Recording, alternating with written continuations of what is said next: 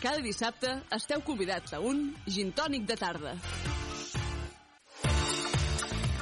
Benvinguts i benvingudes a un nou gin tònic de tarda a aquesta edició de gener. Ja estem al 2022, Joan, com passa el temps? Sí, sí, eh, sembla que va ser ahir, el 2021. Bueno, gairebé va ser ahir, de fet. De fet, ja fa uns quants dies, perquè ja estem a finals de mes, però sí que aquest mes a mi m'ha passat molt ràpid, no sé tu. Sí, eh, imagino que la majoria ens ha passat molt ràpid. Primer ve el Nadal, que és molt bonic. Eh, Aquest any preciós. Sí. Depèn, depèn també de qui, de qui ho passi amb la família o ho passi confinat o, o recordi algun ésser estimat perdut. També no és que sigui molt simpàtic, però després d'això ve el, ve el, el, el Blue Monday, em sembla que es diu, no? Sí, el dia de la tristesa. Mira, el que parlarà el Marc, la tristesa, avui. Sí, doncs exacte. I llavors, eh, entre, entre tantes emocions, doncs el gener passa, passa molt ràpid, sí. Bueno, aquest, realment aquest desembre, aquest Nadal, hi ha molta gent que ha fet cantant amb la parella només, hi ha altres que s'han ajuntat vuit, hi ha altres que han fet la família de dins, dir, realment ha sigut diferent, jo crec. Cadascú ha fet com ha pogut o ha volgut, però realment ha sigut un Nadal també diferent. Sí, bueno, ja ens he acostumats perquè el Nadal passat ja va ser una mica així, no? Jo espero que Nadal no tornem a acostumar i a veure si... Bueno, jo no dic res perquè portem temps així. Bueno, no, jo ara crec que sí, que, la, que, que s'està gripalitzant el, el virus i cada cop és més contagiós perquè no mata l'hoste i el ser més contagiós també és, eh, per, per, també pels anticossos que han generat, eh, menys letal. Bueno, i justament perquè el virus el que vol és viure. Sí, sí, exacte, exacte. Llavors, cada cop serà més suau i, i haurem de tenir i haurem de tenir en consideració eh, a, aquest virus durant molt de temps però igual que la grip, és que la grip també s'emporta molta gent i sembla que l'hàgim hàgim acceptat que s'emporti tanta gent gran durant les èpoques de passa més gran, no?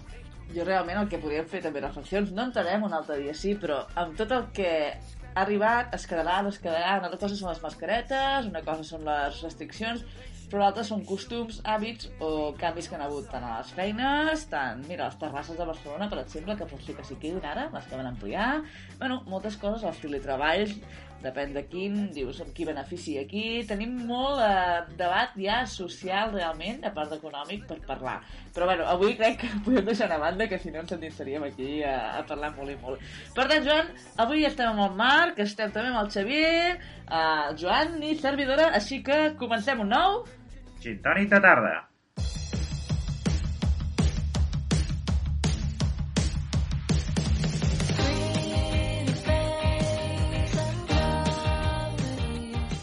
Bé, abans de començar el programa, Sílvia, potser que expliquem una mica com volen participar, si volen participar, és clar, els nostres oients.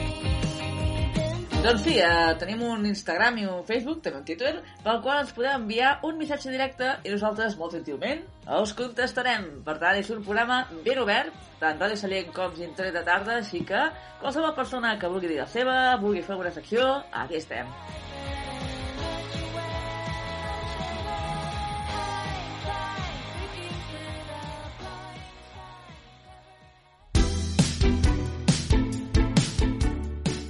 I comencem amb l'editorial del Joan, que per cert, com has comentat abans en privat, la faràs una mica diferent, oi? Sí, a veure, eh, ja havíem fet editorials participatives, però aquest cop farem una altra cosa, tot i que també serà força participatiu. Uh, primer parlarem d'unes reflexions de certs autors i acabarem, acabarem amb unes efemèrides, que ja era una secció que havíem fet en el programa, no sé si us recordes. M'agrada, m'agraden les novetats i també reincorporar allò que ens havia agradat d'altres temporades. Així doncs, Joan, comencem amb la teva secció. Molt bé, endavant. Bé, comencem amb algunes uh, reflexions uh, que he penjat a un, a un canal de Telegram que tinc. Ara faré una mica de publicitat, Sílvia, si et sembla bé. Bueno, això és interessant, eh? Perquè el Joan té un canal que es diu... Eh, com es deia? Canal del politòleg. canal de politòleg, així, tal qual. I ell va penjant totes les notícies que li semblen interessants i tal. És en plan com un noticiari diari, diari perquè penja molt de coses. Exacte, exacte. Uh, uh, Quanta gent té, el Joan? No sé, ara ho miro. Uh, sembla que unes 100, 110. Um, bé, es diu t.me barra en diagonal 1 Equids R oficial, per si la voleu, per si voleu seguir el canal i allà és on he penjat les, les reflexions i també eh, les biografies de les persones a les quals fan les reflexions. No? Sort que no volíem fer publicitat. Doncs digues, digues. Doncs començo amb les reflexions, que diuen val més fer la cosa més insignificant del món que estar mitja hora sense fer res, del pensador alemany Goethe. No sé què et sembla. Pues aquesta ha donat moltes, la pots tornar a repetir? Val més fer la cosa més insignifica- in- insignificant del món que estar mitja hora sense fer res. Home, si fas una cosa insignificant, al final fas alguna cosa, no? Si vas donant voltes, estàs quit. És el que s'entén que vol dir, no? Però igualment, l'insignificant... A veure, jo crec que tot té una mica de sentit, en el fons, no? Vull dir... Bé, jo crec que l'avorriment eh, és, és sa i per tant a vegades s'ha d'estar sense fer res. I sobretot fa també noves generacions que veiem que és, vinga, eh, input, input, input, i això també ho sento, però pares, mares, ties, tietes i tot, també ajudem en el sentit de que sempre hem de donar inputs a la mòbil, a la tele, a la pantalla, i el moment aquest relaxament de parar ens costa molt. Bé, un altre pensador alemany eh, diu sovint l'abundància empobreix l'obra. Nicolás Boil. Què et sembla? Sembla, et sembla que, que té raó perquè a vegades les obres artístiques a vegades eh, estèticament eh, po- posen moltes coses molt pomposes i al final una cosa senzilla i ben feta eh, crec que és millor, no? Ho sento, però en temes d'art, al final, és el que es diu, que a cadascú li agrada a l'art que li agrada. Doncs bé, tens raó. Feu oh, una altra reflexió. Lluar cordialment una bona acció és, en certa manera, prendre-hi part, de l'arbant. Una altra reflexió. El poder absolut és tirania. Qui se'l procura es busca la ruïna. Això és d'un pensador eh, espanyol que es deia Diego Saavedra, segurament eh, conegut per molts dels que esteu escoltant. Jo crec que això ho haurien d'escoltar alguns dels nostres dirigents empresarials, polítics i socials. Jo crec que sí, que estan escoltant Radio Celler ara a casa. Jo, mira, t'ho confirmaria el 90%. Tant de bo que escoltessin les ràdios locals, i tant. Uh, L'absència d'un ésser estimat serveix com a remei contra l'odi i de protecció contra l'amor, de La Fontaine. I després de, de Jean Rousseau, l'antípodes de Hobbes, abstenir-se per gaudir és l'epicurisme de la raó. I de Jean Rom, calen accions i no paraules, molt semblant a aquella campanya de Montilla de fets, no paraules, per cert. M'agradaria saber també d'aquestes frases quines realment s'atribueixen a l'autor o no, l'autoria. Per cert, ara, moment aquell... Hi ha alguna dona entre les teves frases? Per desgràcia no, perquè és, eh, aquestes frases apareixen en una, en una agenda i, i no no n'he vist de, de dones, m'imagino que acabaran sortint i si no les acabaré buscant, però tens molta raó que eh, en aquest cop doncs, no, no, no m'hi he, no he fixat prou.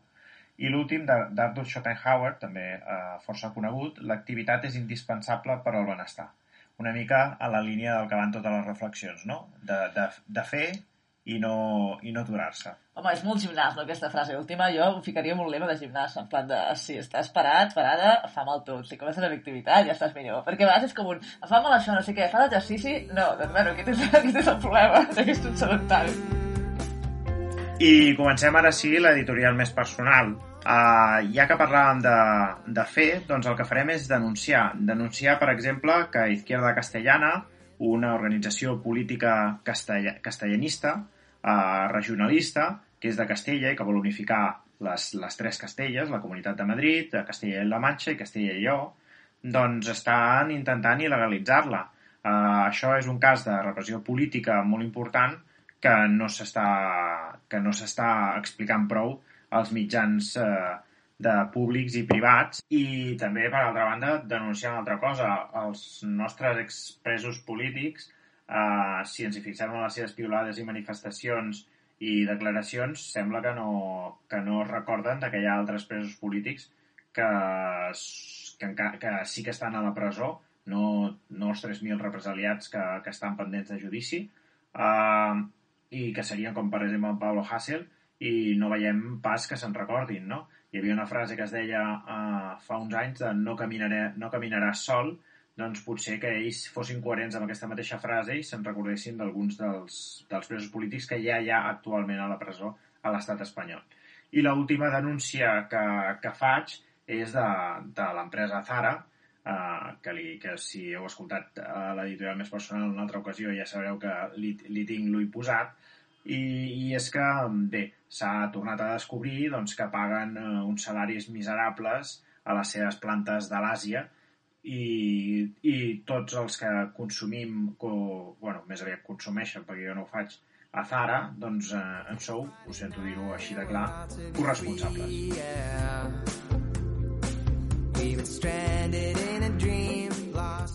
I per finalitzar, les efemèrides.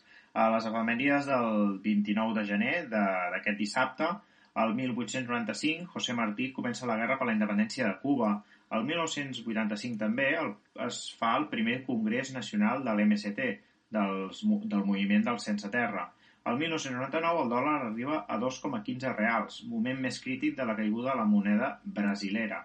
El 2001 el dictador Pinochet és processat com a autor dels crims de la caravana de la mort i, el 2010, no fa tant, Tony Blair respon davant la comissió que l'investiga per la seva participació en l'invasió d'Iraq el 2003.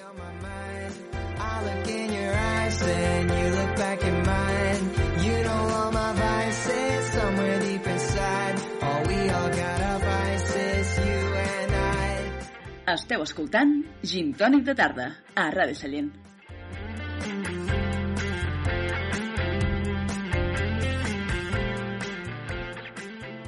Els dissabtes sintonitza'ns a la 107.6 de la FM, també en streaming o a l'iVox.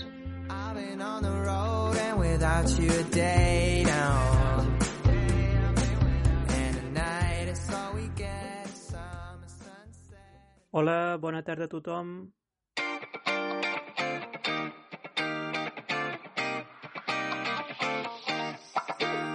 There's not a single Bé, avui a la secció de psicologia m'agradaria parlar de la tristesa i la depressió.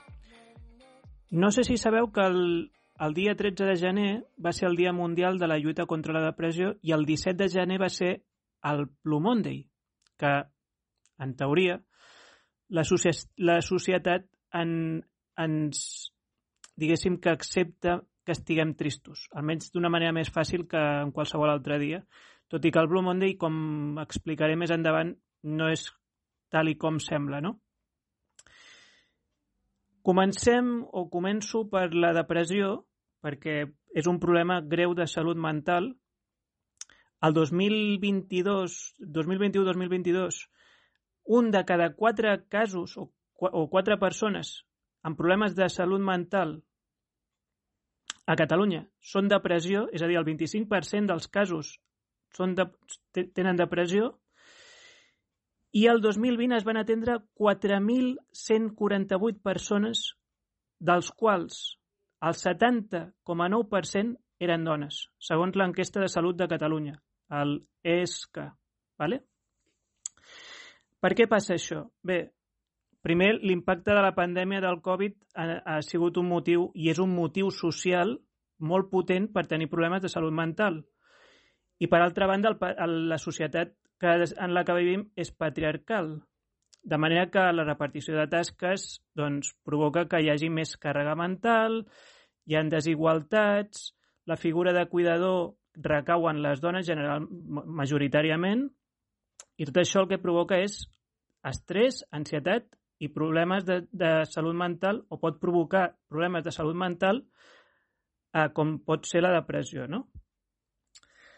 La depressió, mmm, hi han dos senyals típiques o, o símptomes presents en, en aquest problema, que són el que, diguéssim, un estat d'anímic molt trist, molt, molt, molt intens i molt profunda tristesa, una tristesa que, diguéssim, no és natural, sinó que és molt més profunda, i després una pèrdua de plaer o de, o de poder gaudir de les activitats que gaudíem. Aquests serien els dos principals eh, senyals que podríem començar a sospitar que hi passa alguna cosa, o ens passa alguna cosa, o li passa alguna cosa a algun ésser estimat, no? Hi ha, evidentment, més senyals o més símptomes, com pot ser pèrdua, o, o guany, pèrdua de pes o guanyar pes, o pèrdua de, de, de fam, de, de tenir gana o, o, o tenir més gana, dormir molt més o dormir més o, o tenir menys son, tenir sentiments molt profuns i molt intensos de culpa, a vegades també es pot manifestar, sobretot en adolescents i en nens, amb, amb emocions de ràbia, tot i que també pot passar en algun adult, i també poden haver, en alguns casos, doncs, fantasejar en deixar de viure en aquest món o fins i tot idees, plans o intents de suïcidi. I en aquests casos és molt important no subestimar mai, mai, mai les possibles senyals que ens pugui mostrar la persona, com pot ser ja no puc més, cosa que ja s'ha vist en alguns famosos i famoses. ¿vale? en, en aquest any, en aquest últim any del 2021.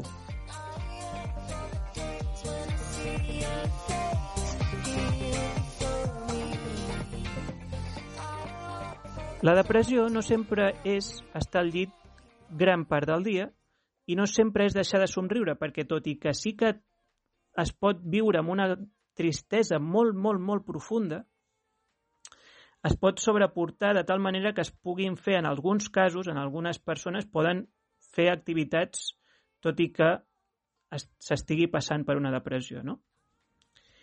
I, evidentment, eh, posar-se les piles o animar en un sentit de anem a fer una volta o, o anem a, anem a distreure'ns és insuficient i, i convé en, el, en, els, en els casos que, que es tingui aquest problema de salut mental, convé i és important fer psicoteràpia, fer anar a consultar un psicòleg o una psicòloga.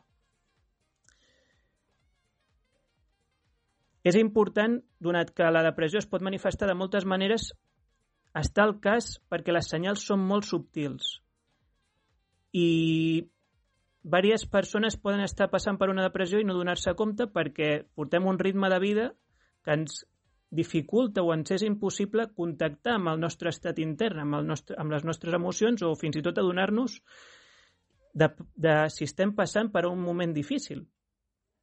Tot i que eh, podem apreciar si ens donem el temps de que potser el nostre rendiment ha baixat, potser estem més tristes o més tristos del que és convenient, perquè la tristesa, com parlaré ara seguidament, pot durar màxim tres dies, donat que és una emoció natural i, per tant, com dic, és important estar atent, estar atenta a les senyals que poden ser, molt, que poden ser molt subtils.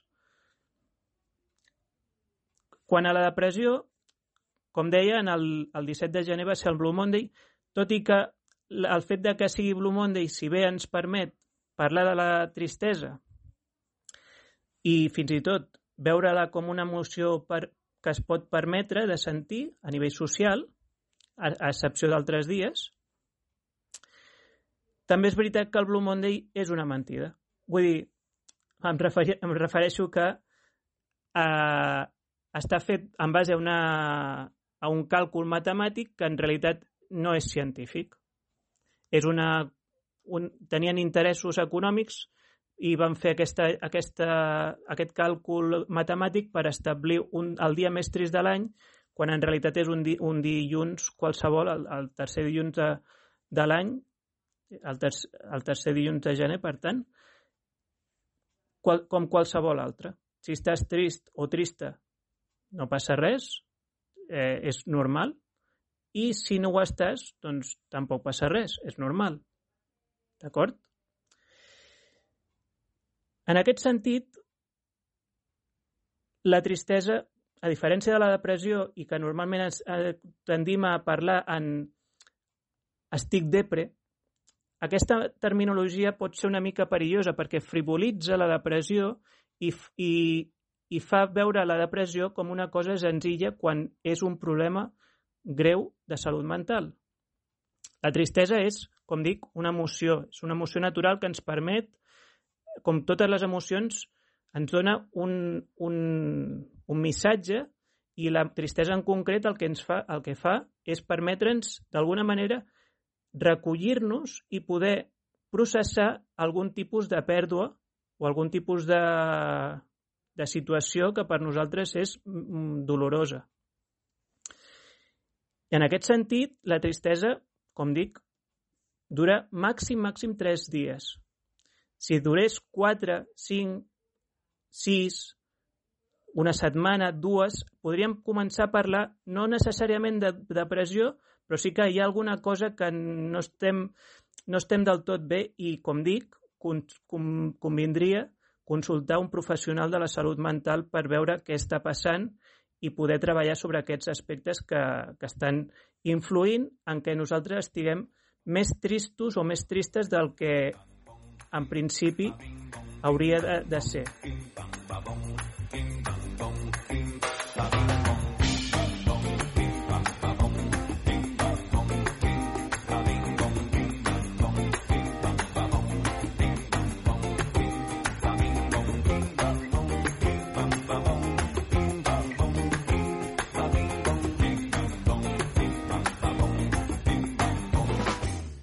Bona tarda, Xavier.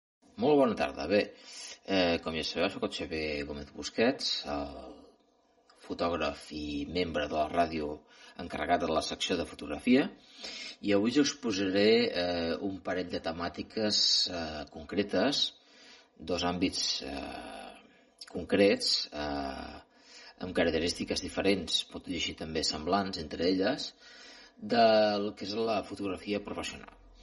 Bé, avui volia exposar-vos, eh, en primer lloc, eh, eh, el tema de fotografia de turisme i a posteriori eh, la fotografia eh, de publicitat. Bé, la fotografia, turisme i publicitat estan molt interrelacionades perquè amb dos es toquen entre elles.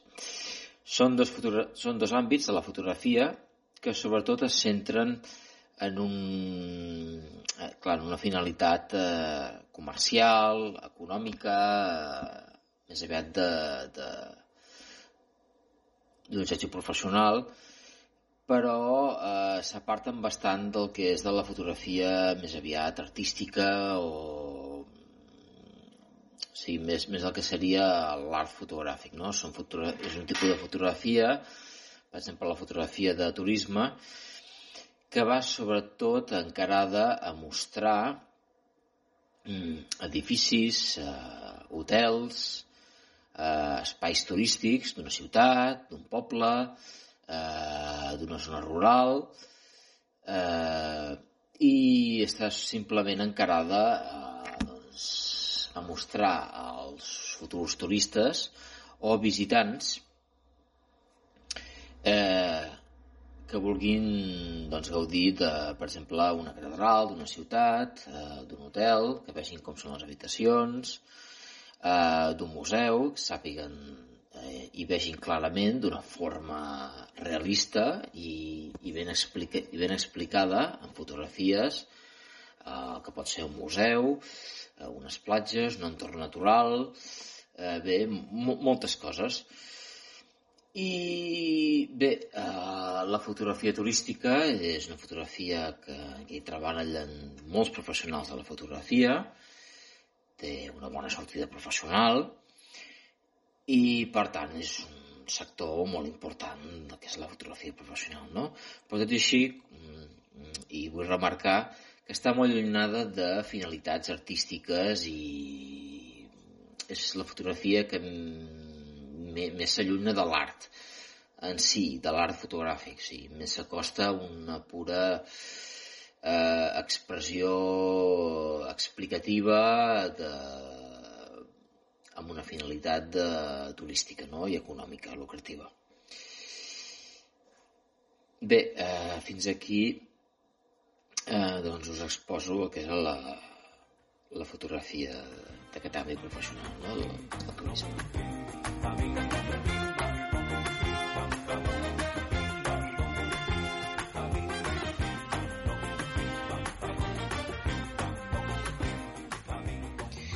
Bé, la segona part us volia exposar un altre camp professional que ja us havia exposat abans, és la fotografia de publicitat. I a més eh, hi afegiré la fotografia de bodes, també molt important i en què hi treballa un sector molt important i un nombre, una gran quantitat de, de fotògrafs, que és la fotografia de bodes, esdeveniments com les bodes, casaments. Bé, la fotografia de publicitat és, és importantíssima perquè és la que més ven, la que més diners mou, perquè fotografia sobretot de productes ja siguin de, de menjar, de moda, models, eh, mm, cartells de cinema, eh, cartells d'esdeveniments culturals, és molt important i treballa un, un sector molt important de fotògrafs, la fotografia de publicitat. També, igual, tanmateix, la volia comparar amb la fotografia de turisme, de la qual he parlat abans, té una pura finalitat comercial i econòmica. És a dir, que s'allunya també molt de la fotografia artística. Fotografia que vulgui més expressar missatges filosòfics, de denúncia, polítics, més, eh, amb un caire més artístic, o sigui, d'una pura funcionalitat econòmica i, i laboral. I bé, la fotografia, fotografia de publicitat mmm, Tanmateix també la fotografia de turisme i de bodes requereixen, com, com, com qualsevol eh, camp professional de fotografia, un equip fotogràfic professional i de nivell. Tot i, tot i que avui en dia hi ha eh, certs eh, smartphones, telèfons d'alta gamma, en què eh, treballen i en fan ús molts fotògrafs ja pot ser un iPhone d'alta gamma, un Samsung d'alta gamma, telèfons que normalment tenen un cost de més de 800 o 900 o, o 1.000 euros. Telèfons que tenen incorporar una bona òptica, una bona, una bona HDR i permeten treballar eh, en aquests camps de la fotografia mm, de, de publicitat, de turisme i de bodes. Bé, la fotografia de bodes. La fotografia de bodes hi treballa moltíssima gent. Mm, és una fotografia en què bé, hi ha molta feina, hi ha molt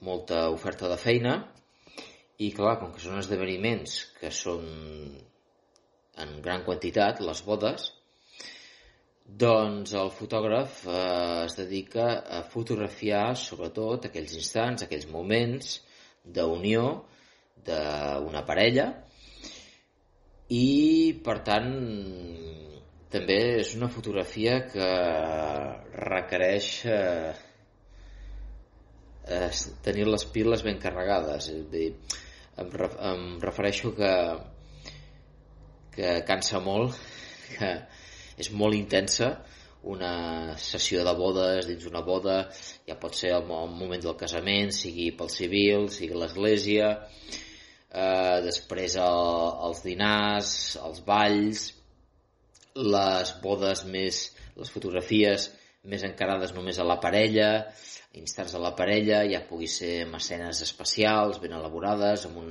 amb un ambient i un entorn especial per immortalitzar no, la mort d'aquesta parella i la fotografia de bodes també és un camp molt important, tanmateix, igual que la fotografia de mm, publicitat eh, i la de turisme que he esmentat el, del qual m'he explayat al principi.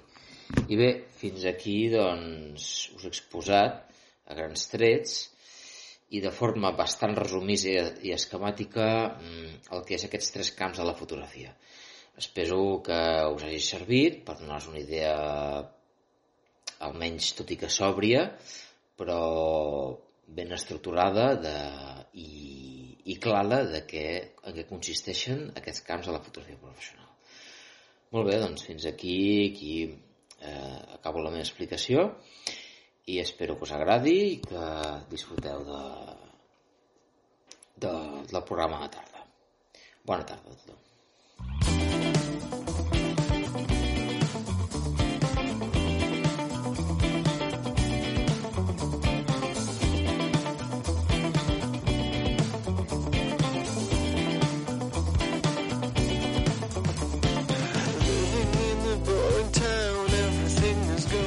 Bé, i avui l'última secció, que és la meva, com cada programa, eh, més enllà de parlar del tema d'eines de les xarxes, etc, parlaré més de la comunicació a internet. Eh, posem el cas, per exemple, de fa ja setmanes, el cas de Garçon i les macrogranges. No sé si te'n recordes de què va passar? Sí, doncs que el ministre va fer unes declaracions eh, que podria fer, per exemple, la Comissió, i que fa la Comissió Europea, i que d'allò en va sorgir una polèmica interessada per part d'alguns.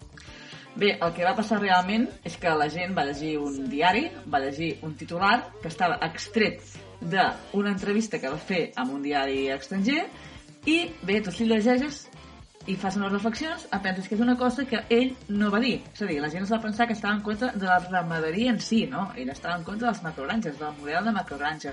Què passa? La gent va deixar un titular i es va començar a fer molt, molt, molt merder en aquest sentit. Quin problema tenim, doncs, amb els diaris, com entenem els titulars? Bueno, doncs primer la mateixa societat, que en comptes de llegir el cos de la notícia, que és el que hauria de fer, doncs es llegeix només el titular i el subtítol i amb això ja creu que pot debatre-ho. Clar, això també passa molt amb el Facebook, no? Hi ha gent que llegeix un titular i ja està comentant, i la gent diu, però ves la notícia, però per què escrius? No has entrat, no, no saps de què va. És veritat que els diaris ho fan, és un ganxo que tenen, perquè tu que facis clic i entres a la notícia, si vols saber més informació, o et quedes amb aquest titular i comences a comentar i comences a compartir i a fer debat sense saber més enllà. Ho fan especialment? Sí, molts cops els titulars són mig enganyosos, perquè realment a vegades tu si agafes una frase no estàs enganyant, perquè aquella frase s'ha dit, però si no saps el context es pot malinterpretar, que és el cas que ha passat aquí. Sí, de fet, amb el tema del Covid, per exemple, per compartir un seguit de, no de notícies, doncs abans et diuen si t'has llegit la notícia sobre el Covid, no? Vull dir que, que sí, va en aquesta línia, no?, de que la gent ha de ser més conscient del que llegeix. I ara que parles del Covid, jo recordo, per exemple, una notícia que va sortir per la tele que deia els contagiats a la Comunitat de Madrid i els contagiats a Catalunya. Si no és el mateix sistema de recolecta d'informació de dades, què passa? Doncs que realment tu no pots fer una comparació tal qual perquè no s'ha fet el mateix mètode. Llavors, és una informació una mica enganyifa, però clar, tu mires unes dades i dius, ostres, aquí hi ha més que menys allà tal però no hi ha realment la informació que necessitaríem. Molts cops a la tele, les enquestes, què fan? Es fiquen un gran titular, fiquen un gran número, una comparativa, però no estan explicant altres casuístiques, d'on ve, què ha passat, quin és l'origen, i aquí realment és quan no estem informant, estem desinformant. Sí, sí, exacte, i no només això, sinó que uh, la gent, diguéssim, necessita que li facin, com es diu en anglès, fact-checking, no? que, que li verifiquin les notícies, i precisament per això han sortit varis mitjans com uh, Neutral o Maldita.es o, per exemple, Verificat, que verifiquen una mica les notícies que, que, que, surten, que surten a l'espai web. De fet, a l'espai web eh, s'han generat moltes eh, pàgines web de diaris digitals que són diaris digitals creats per una sola persona i que realment doncs, les notícies estan molt, molt poc contrastades. L'altra cosa també és que la gent vulgui creure aquell titular, perquè Tu si ja tens una condició ideològica, no t'obres, que tens un discurs fet, definit i no, bueno, no vols debatre, no vols intentar mirar a veure aquí, bueno, si hi ha una altra possibilitat, doncs tu agafat aquell titular i et creus doncs, que ja és, uh, bueno, que està super legitimitzat, perquè realment aquella persona o aquell partit polític o el que sigui estàs en contra totalment, doncs et fiquen aquest titular i és sí, sí, sí, sí, sí, m'ho crec totalment i ja està, ja tinc jo la raó per la qual criticar, anar en contra i tot, i per tant ja no es busca més informació, perquè ja creus que justifica. Sí, sí, de fet em sembla que es diu efecte túnel, no? Vull dir que la gent només eh, llegeix aquells diaris que li donen la raó, no? La, eh, la cosmovisió que té del món doncs s'assembla força als diaris que llegeix i per tant reforça les pròpies idees que ja tenia i per tant no contrasta ni canvia d'opinió ni matisa l'opinió ni, ni, ni aquelles persones que opinen igual que, que aquesta persona eh, doncs eh, són, diguéssim, eh, verificades les seves opinions. Per tant, molts cops no només és que reforcin la seva opinió, sinó que s'hi afegeixen mentides que per, per no haver contrastat amb mitjans de, diguéssim, d'altra ideologia, per exemple, doncs no acabes descobrint i tu acabes creient tot, no? Doncs des d'aquí us animem a, a, per exemple, a Facebook, ficar m'agrada a diaris que no estigueu gens en sintonia. Us ficareu una mica de mallet, a vegades, amb els titulars, però a vegades també trobes informació que dius, ostres, doncs, mirem-ho. perquè potser en alguna cosa també tenen raó. Per tant, està molt bé tenir una mica... De... Tampoc cal que anem als diaris més extremistes contraris a nosaltres, perquè acabarem una mica molt de cap. Però està bé tenir algun diari que realment pensem que no estan a la nostra sintonia perquè veus informacions diferents que podem els diaris de sempre que tu mires no sortirien i realment també cal veure-les, cal debatre i cal agafar una mica d'informació. I si consideres que són els teus adversaris polítics, doncs escolta, escolta, s'ha d'escoltar l'adversari polític, també per saber què pensa, primer per respecte i empatia, i segon, per saber què contestar el dia que els hàgim de respondre, no? Vull dir, perquè el debat es fa més ric i els teus propis arguments s'enriqueixen amb els arguments dels altres. Justament, d'enriquir els arguments es tracta d'escoltar i fer-se escoltar. Doncs bé, fins aquí ja el programa. Ens veiem a l'edició de febrer, així que continuarem doncs amb el Marc, amb el Xavier, amb el Joan, una servidora, i potser vindrà algun col·laborador, col·laborador nou. Ja ho veurem, ja ho veurem, ja ho veurem. Està allà al forn, no? Fent-se la cuina. Sí, sí, sí, probablement tindrem un col·laborador nou, sí, com ja vam dir en l'anterior programa. Doncs molt, cap, molt bon cap de setmana. I fins a la propera.